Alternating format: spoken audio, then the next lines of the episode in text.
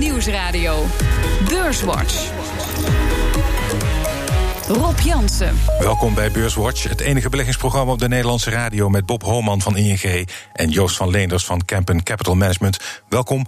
Um, weer veel stress deze week uh, op de beurzen, weer door Trump. Weinigen geloven nog in een snel handelsakkoord tussen China en de VS. Houden we deze nervositeit de komende weken vast, Bob? Wat denk je? Ja, ik denk het wel. Uh, ik zie die handelsoorlog niet heel snel, uh, snel eindigen. Um, en het heeft zich nu ook naar een, een technologieoorlog een, een, beetje uh, gebracht. Ik denk dat dat eigenlijk wel jaren uh, aan gaat houden, die beide factoren. En dan zul je af en toe eens momenten van spanning hebben en ook wel eens af en toe momenten van ontspanning. Hè, dat er tijdelijk weer een akkoord op een deel bereikt wordt. Maar ik denk dat het uh, onrustig blijft voor de komende jaren. En we, ik vind wel dat de beurs er al wel een. Het gaat wel naar beneden. Maar als je een maand geleden gezegd had, nou die handelsoverleggen mislukken. en je had moeten inschatten wat de reactie was geweest. was die waarschijnlijk, had je heftiger gezegd dan wat je nu ziet. Ja, vind jij dat ook, Joost? Ja, nee, helemaal mee eens. Uh, uh, daarom zijn wij ook wel voorzichtig met aandelen. Um, uh, het, het, het verhardt zich eigenlijk. Hè? En er wordt elke keer, het is wel interessant, eigenlijk al, al sinds het speelt, wordt er gezegd: het is retoriek, het is, uh, het is onderhandelingstactiek. Het zal wel meevallen. En het valt steeds niet mee. Nee. En nu wordt eigenlijk niet meer gepraat. De, de Amerikanen willen denk ik, te veel controle over de Chinese economie. Die willen die, techniek niet, die technologie niet kwijt. Uh, ja, en, en China zint, zint op tegenmaatregelen. En ik denk ook dat wat we nu gezien al hebben, de tarieven die er al zijn, daar zie je ook al de schade van. Dat zie je gewoon in de wereldeconomie terug. Het was de week waarin Trump het Chinese Huawei een nachtmerrie bezorgde. It's possible that Huawei even would be included in some kind of a trade deal. If we made a deal, I could imagine Huawei being possibly included in some form of or some part of a trade deal. How would that look? It would look very good for us. En het aandeel Deutsche Bank bereikte deze week een historisch dieptepunt. Ali Maramadi van GAM Investments legt uit wat er aan schort bij Deutsche Bank. It doesn't really have a kind of a heart or a core. It's not like, for example, UBS, which you know had enormous problems, of course, during the financial crisis. You know, the international embarrassment for for Switzerland, but in the end has had a wealth management business which, to which it's retreated and is now, you know, relatively speaking, flourishing. Deutsche Bank, of course, has retail, has commercial, has the investment bank. None of these are profitable. And last but not least was het de week waarin Theresa May het niet droog hield. I will shortly leave the job that it has been the honor of my life to hold. The second female prime minister, but certainly not the last. I do so with no ill will, but with enormous and enduring gratitude to have had the opportunity to serve the country I love. Ja, emotioneel. Bijna drie jaar heeft ze gewerkt aan een deal die uiteindelijk niet is gesloten. Dat wordt er uh, in het Verenigd Koninkrijk heel zwaar uh, aangerekend. Ik uh, snap ook wel dat ze niet langer houdbaar is. Maar in het Britse parlement was voor geen enkele optie een meerderheid te vinden. Joost, wild guess, wat is het meest waarschijnlijke scenario volgens jou nu? Nou, ik wil je zeggen dat Theresa May aan de ene kant en dan kan ik, het is fascinerend dat ze niet eerder mee op is gehouden, ja. vind ik. Maar goed. Ook wel enig respect verdient. Nou ja, in zekere zin ook wel respect. Ja, Weet je, ze, ja, heeft, ze heeft een enorme koppigheid en doorzettingsvermogen enzovoort. Maar ja, nou ja, goed. Ik, ik denk dat ik er mee opgehouden was. Uh, het meest waarschijnlijke scenario, ja, ik vind het moeilijk te zeggen. Maar ik, ik, uh, ik denk uh, de, de grote kans dat Boris Johnson daar de nieuwe, de nieuwe premier wordt. En de, in ieder geval de kans op een harde brexit wel groter is geworden. Want het idee dat, dat Engeland, het VK, nu weer gaat onderhandelen met Europa. Nou, dat, daar, gaat natuurlijk niet uitkomen. Daar gaat natuurlijk niks uitkomen. Dat geloof ik niet. Bob, ben je het daarmee eens? Nee, niet helemaal. Ik, ik, ik, ik denk dat we gewoon weer doormodderen. Of nou Johnson of wie dan ook uh, uh, premier wordt, maakt denk niet zo gek veel uit. Uh, de meerderheid van de bevolking wil geen harde brexit. Ik geloof dat maar 30% een, een harde brexit wil. Uh, een meerderheid wil wel een referendum. Dus ik denk dat het toch uiteindelijk een referendum komt. En dan zou het me ook niet verbazen als we straks, wat is het in oktober, uh, weer uitstel vragen en nog een keer gaan doormodderen. Maar dit, ja. met, dit, met het referendum, de, volgens mij de.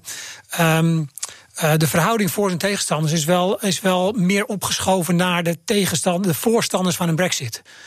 Ja, je ziet gewoon dat, dat die, die Engelsen er ook een de beetje... De verdeeldheid is nog steeds aanwezig. De verdeeldheid is er zeker nog. Maar um, de Brexiteers uh, uh, hadden, een, hadden een voorsprong. Op een gegeven moment hadden de Remainers een voorsprong he, in de polls na het referendum. Hm. En dat is volgens mij weer gekeerd. Dat mensen zeggen van ja, weet je, het moet maar over zijn, dan gaan we er maar uit. Dat, Hm. dat sommige mensen die het eigenlijk niet uit willen, dat nu beginnen te zeggen. Omdat ze het gewoon zat zijn. Ja. Ik denk dat is de enige, mogel- enige mogelijkheid. Dus de, de, de kans erop is denk ik wel groter geworden. Ja, want ja, kijk, eh, ik kan me ook wel voorstellen. eh, natuurlijk is het allemaal bespelen van de publieke opinie. Maar ik meen dat Juncker vandaag heeft gezegd: van ja, er komt echt geen andere deal.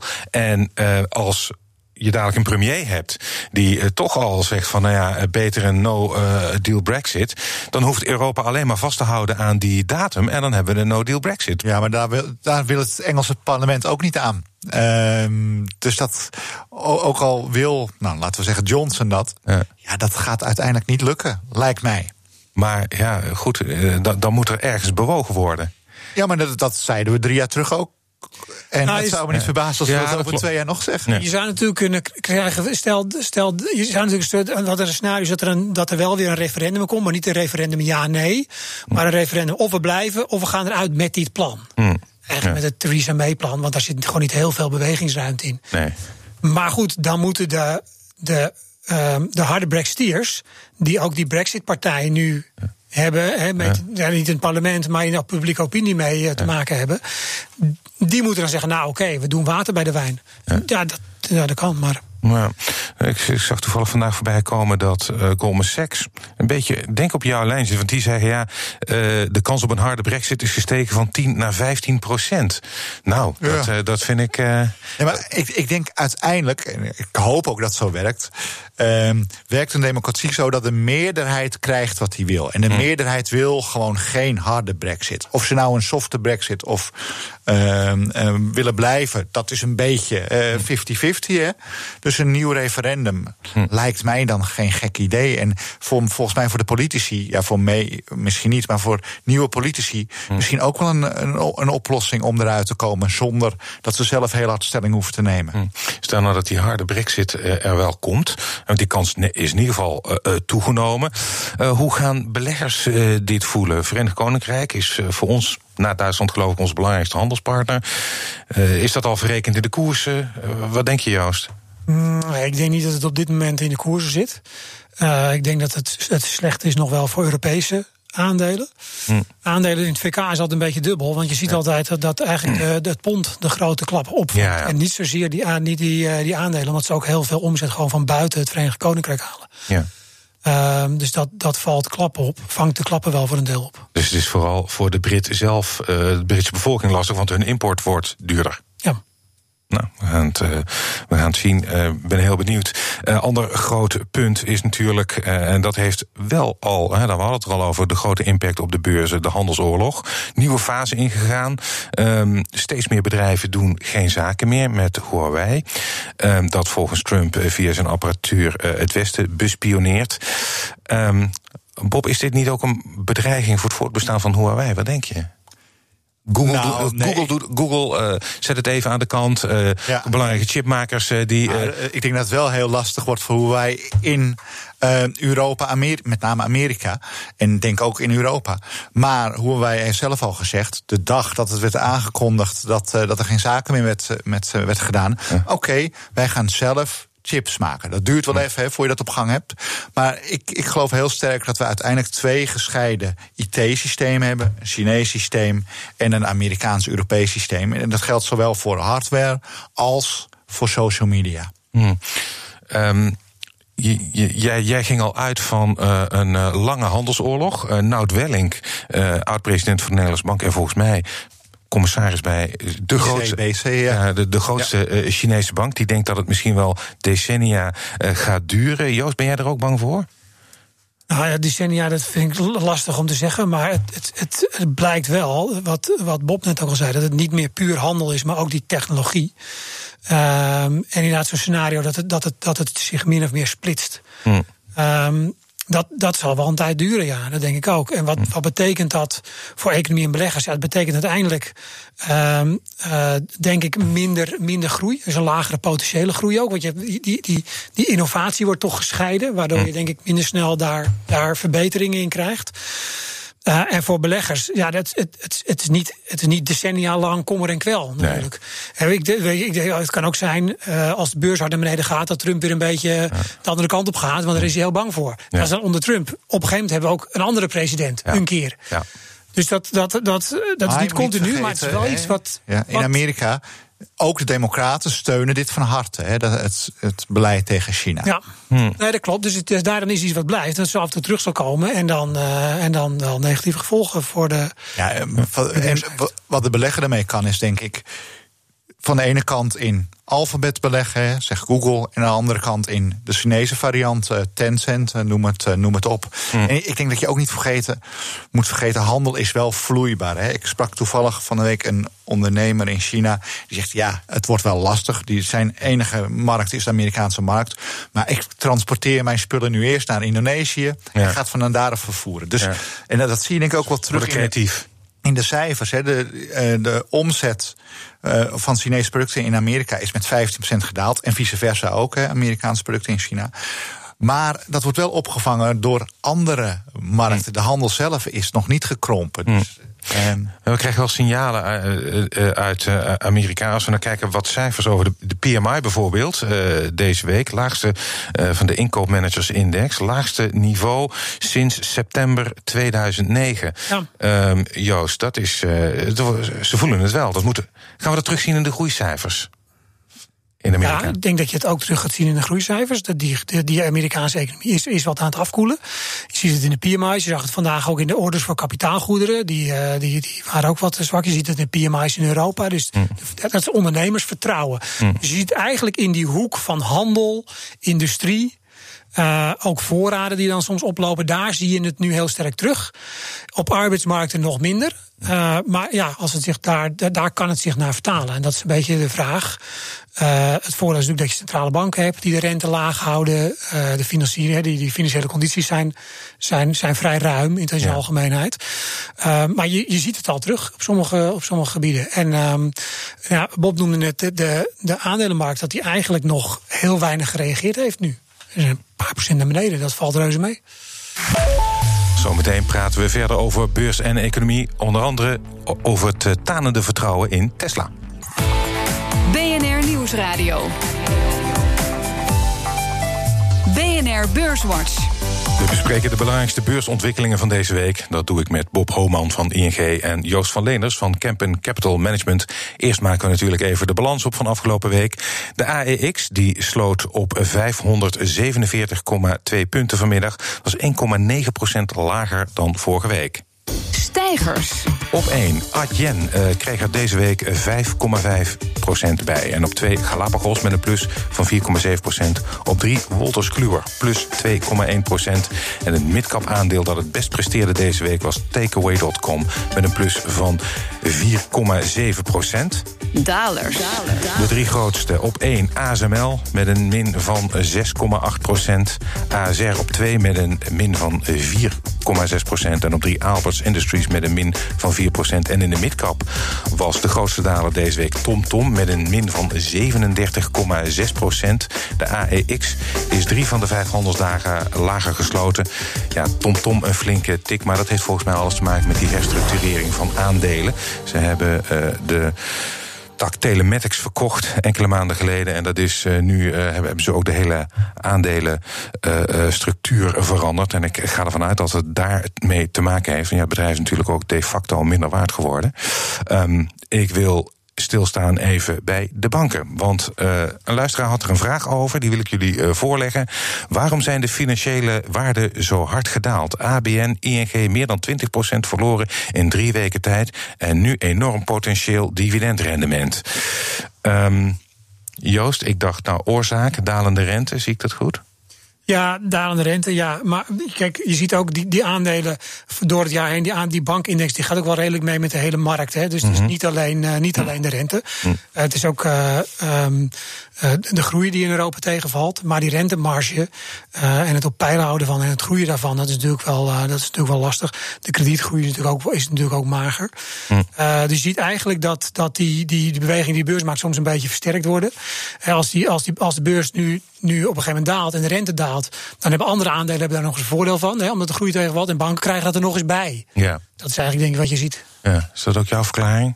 Ja, en ik denk toch vooral die rente. Hè. Ehm, Tot nu toe lukt het veel banken om de rentemarge redelijk op peil te houden. Om- Omdat de spaarrente mee kon dalen met, eh, met de kapitaalmarktrente. Maar ja, bij de nul houdt dat toch wel een beetje op. Hè. Natuurlijk, eh, hè, grote bedrijven wordt al negatieve rente berekend. Maar dat lukt denk ik heel moeilijk voor ehm, v- voor gewone consumenten. Ehm, dus ga die marge eh, interen. Ja. En, eh, en dan moet je afvragen inderdaad, zijn die dividendrendementen van, wat is het? Rond de Gemiddeld? zeven, heb ik. Zeven. Ja. Is dat dan nog, eh, nog houdbaar? Of gaat dat langzaam naar beneden? En meestal zie je, als dividenden echt boven de 5% komen, is het meestal een soort dividendval. Hè? Eh, en, en dat betekent dat ze vroeg of later. Ik denk dat je een, volgens mij. Eh, heb je al een paar Europese banken gezien die, die ook al gezegd hebben. Volgens mij was Deutsche Bank al, al veel eerder. Een van de, die had ook zo'n hoog dividendrendement. Oké, we, we skippen dividend, want we hebben dat kapitaal nodig. Ja. Oké, dus eh, jouw waarschuwing is eigenlijk: laat je niet, al- sta je niet blind op dat dividendrendement. Zonder risico. Zeg je? Het is niet een zonder risico. Niet zonder risico. Nee, je hebt eigenlijk een rentestijging nodig. We zijn op dit moment ook in financiële waarde wat onderwogen. Je hebt denk ik een rentestijging. het hoeft helemaal niet zo heel veel te zijn, maar in ieder geval eh, weer boven nul in de tienjaars eh, rente nodig. Ja. Eh, naast banken eh, die dus op de beurs eh, eh, relatief veel hebben ingeleverd, ook Tesla heeft het zwaar op Wall Street. Sinds eh, de laatste kwartaalcijfers is daar ook. Ruim 20% van afgegaan. Steeds meer analisten zijn negatief. Ik las één eh doemscenario, Joost, waarin de koers wel zou kunnen zakken naar 10 dollar. Ja. Dat is nu nog 190 dollar. Over twee maanden terug 290 dollar. Ehm, hoe lang kan deze cashburner blijven rijden, Joost? Ja, eh, dat, vind, ik- dat vind ik lastig te zeggen. Ehm, eh, als je kijkt naar het de, de aandeel, jij noemt 20%, vanaf de piek is, het, is het nog wel meer. Hè? Ja. Tesla is natuurlijk nog echt ge- ge- gewaardeerd als een groeiaandeel. Als je kijkt naar de, de, de, de prijs, naar de boekwaarde, ten opzichte van de boekwaarde is 7,4. En voor Ford en General Motors is dat- is dat net boven de 1, 1,3. Hè, eh, dus er zit, nog, eh, er zit nog, heel, nog steeds heel veel hoop in het aandeel. Ik heb wel eens het idee dat Tesla wordt gezien als een soort disruptor, hè, die de hele markt gaat overnemen. En dat is het natuurlijk niet. Hè, want je moet wel die auto's kunnen produceren. Dat hebben ze dan nu redelijk onder controle. Die omzet is ook in de afgelopen jaren verviervoudigd. Hè, dus, de, gro- dus er zit ook veel groei in. Ja. Maar ze weten er nog steeds geen winst uit te maken. Nee. En, en ehm, nou, er wordt inderdaad ook gespeculeerd over als die prijs zakt een overname. Want ze hebben inderdaad wel inter- interessante technologie. Ja. Of dat Musk met andere, aan andere bedrijven koppelt. om het op die manier nog een tijdje in de lucht te houden. Maar dat zijn de mogelijke scenario's. Ja. En de, de, de concurrentie van andere fabrikanten die vol inzetten nu, Bob. Dat is het, ja. Ja. ja. je, je ziet denk ik met name de Koreaanse fabrikanten die het ook best wel lukt om. Nou ja, wat goedkoper en iets minder product te maken. Eh, en je ziet de Europese bouwers nu toch ook komen. Hè. Eh, die worden dan over het algemeen iets lager gekwalificeerd dan de, Tesla, toch in, in specificaties. En wat ze, wat ze echt aan actieradius bijvoorbeeld leveren. Maar die, die halen wel snel in. Hè. Twee jaar geleden was er nog helemaal niks. En nu is die concurrentie er. Dus die gaat ze op een gegeven moment wel inhalen. En, en zeker als je dat nu nog niet winstgevend krijgt. eh, en ook niet de versnelling in de, in de productie. Dan, dan krijg je straks dat de vraag misschien wat tegenvalt. Ja, en dan is die koers inderdaad wel nog steeds erg hoog. Ja. Ik denk dat die, die, die autofabrikanten zijn natuurlijk verrast. Hè? Die zijn natuurlijk verrast door Tesla en dat hele, die hele, dat hele elektrisch rijden en hoe snel dat dan ging. En moesten ook vaak Maar- nog een dieselschandaaltje oplossen. Nou ja, precies. Maar het zijn natuurlijk wel bedrijven met ook een enorme eh, eh, kennis. En een- ik denk wel eh, ook, ook wel kapitaal en mogelijkheden om om te schakelen. Ja. En daar moet, daar moet, dan wordt het natuurlijk echt spannend voor Tesla als, als die andere bedrijven die dat nu aan het doen zijn. Met ja, vergelijkbare producten komen of iets wat misschien een beetje minder goed is, maar ook minder duur is. Hm. Ja, en wat eh, voor Tesla, maar eh, dat geldt evenzeer denk ik voor de andere fabrikanten. China is natuurlijk ook is een hele belangrijke markt voor ze. Ehm, die automarkt daar, dat, eh, dat is eigenlijk een drama. Niet alleen voor Tesla, Bob. Ja, de, de, die automarkt is heel hard gegroeid. Die groeit nog steeds wel. Maar eh het tempo is er echt wel uit. Ja. Ja, op een gegeven moment houdt het een keer op. En ik denk ook, je ziet in China heel veel eh, echt Chinese fabrikanten ook wel marktaandeel winnen. Dus ja, dat is denk ik lastig voor de westerse autobouwers. Ja. Nou, ik, heb, ik heb nog geen um, hele recente cijfers maar de afgelopen maanden is het, vrij, is het in China wel gedaald. Dus, uh... Ja, klopt. Die autoverkopen, dat is, dat, is wel, dat is wel fascinerend. Want die gaan, in, die gaan in China slecht. In Amerika gaat het ook niet. Is het ook net negatief uh, ja. op jaarbasis. Europa. Dus. Um, dat, dat is wel interessant. Want we zeggen altijd, het gaat met die consument gaat het allemaal zo goed. Mm. Maar dit is toch altijd, weet je, het is wel een beetje een graadmeter. Hè? Ja. Als, je, als, je een, als je een auto wil kopen, moet je vertrouwen hebben. En als je geen vertrouwen hebt, koop je geen auto. Dus ja. er, is, er is onderliggend wel iets aan de hand. Maar dat is ook wel een beetje een cyclus, hè? Het, ja, maar je ziet, en, je ziet, en je ziet in de Verenigde Staten, dat is dan anders dan in China, maar in de Verenigde Staten zie je wel dat, um, uh, dat, dat die renteverhogingen van de Fed, die we gezien hebben tot nu toe, dat zich dat aan het consumentenkrediet en die autoleningen, dat, dat, wel, dat die rente daar echt aan het stijgen is. Ja, um, we hebben uh, over cycli gesproken. In dit geval wil ik even naar de winstcycli. Als je dan kijkt naar het uh, eerste kwartaal, dat was uh, voor bedrijven in het algemeen viel mee. Nou waren de verwachtingen ook laag. als ik jullie zo hoor. Um, Q2, we krijgen over een paar weken dan komen ze weer uit de cijfers. Bob, wat denk jij? Ja, nou, er wordt een daling verwacht hè, uh, van, van ruim 2%. Dat is wel jaar op jaar. Als je kijkt naar kwartaal op kwartaal, wordt er nog steeds wel verwacht dat de winsten gewoon heel gestaag met een procentje uh, toenemen. Uh, maar dus jaar op jaar, want vorig kwartaal, vorig, of tweede kwartaal vorig jaar was echt heel erg goed vanwege die, die belastingverlaging in Amerika, die er toen heel hard uh, inkwamen. Uh, en dus daar ga je een daling zien. Ja, uh, dit kwartaal viel mee. Ik, ik, je zou zeggen, hè, nu ook met die handelsoorlog, hm. prijzen stijgen niet echt. Dus ergens in de keten wordt dat opgevangen, dat de marges wat dalen. Ja, ik, ik zou niet. Ik denk niet dat het nog een keer zo meevalt. Joost, ben je ook wat dat betreft voorzichtig over het kwartaal? Ja, ja, ja het, kijk, het, het, misschien nou, het enige positief. Het positieve is wel is dat, de, dat de verwachtingen zo laag zijn. Ja dan, ik wil niet zeggen dat, dat het gaat mee, maar dat kan. Maar het is gewoon een klimaat. Als je kijkt naar, naar de, de groei, hè, gewoon de economische groei, de inflatie laag is, die omzetgroei, omdat hetgeen is, is laag. Uh, plus dat je wat, wat druk op kosten ziet. Uh, ook vanuit de handelsoorlog. Soms een beetje vanuit de arbeidsmarkt. Um, ja, denk ik, het zou, het zou, als het positief is, zo'n soort kwartaal kunnen worden als we gehad hebben. Mm -hmm. Maar het kan ook wel, uh, het kan ook wat, wat, wat nog wat mager eruit vallen. Mm. Ja, dan wordt het voor beleggers altijd heel moeilijk om in dat hele scala, die 43.000 aandelen die wereldwijd genoteerd zijn, om daar een goede uit te pikken. Dus jullie mogen een tip geven.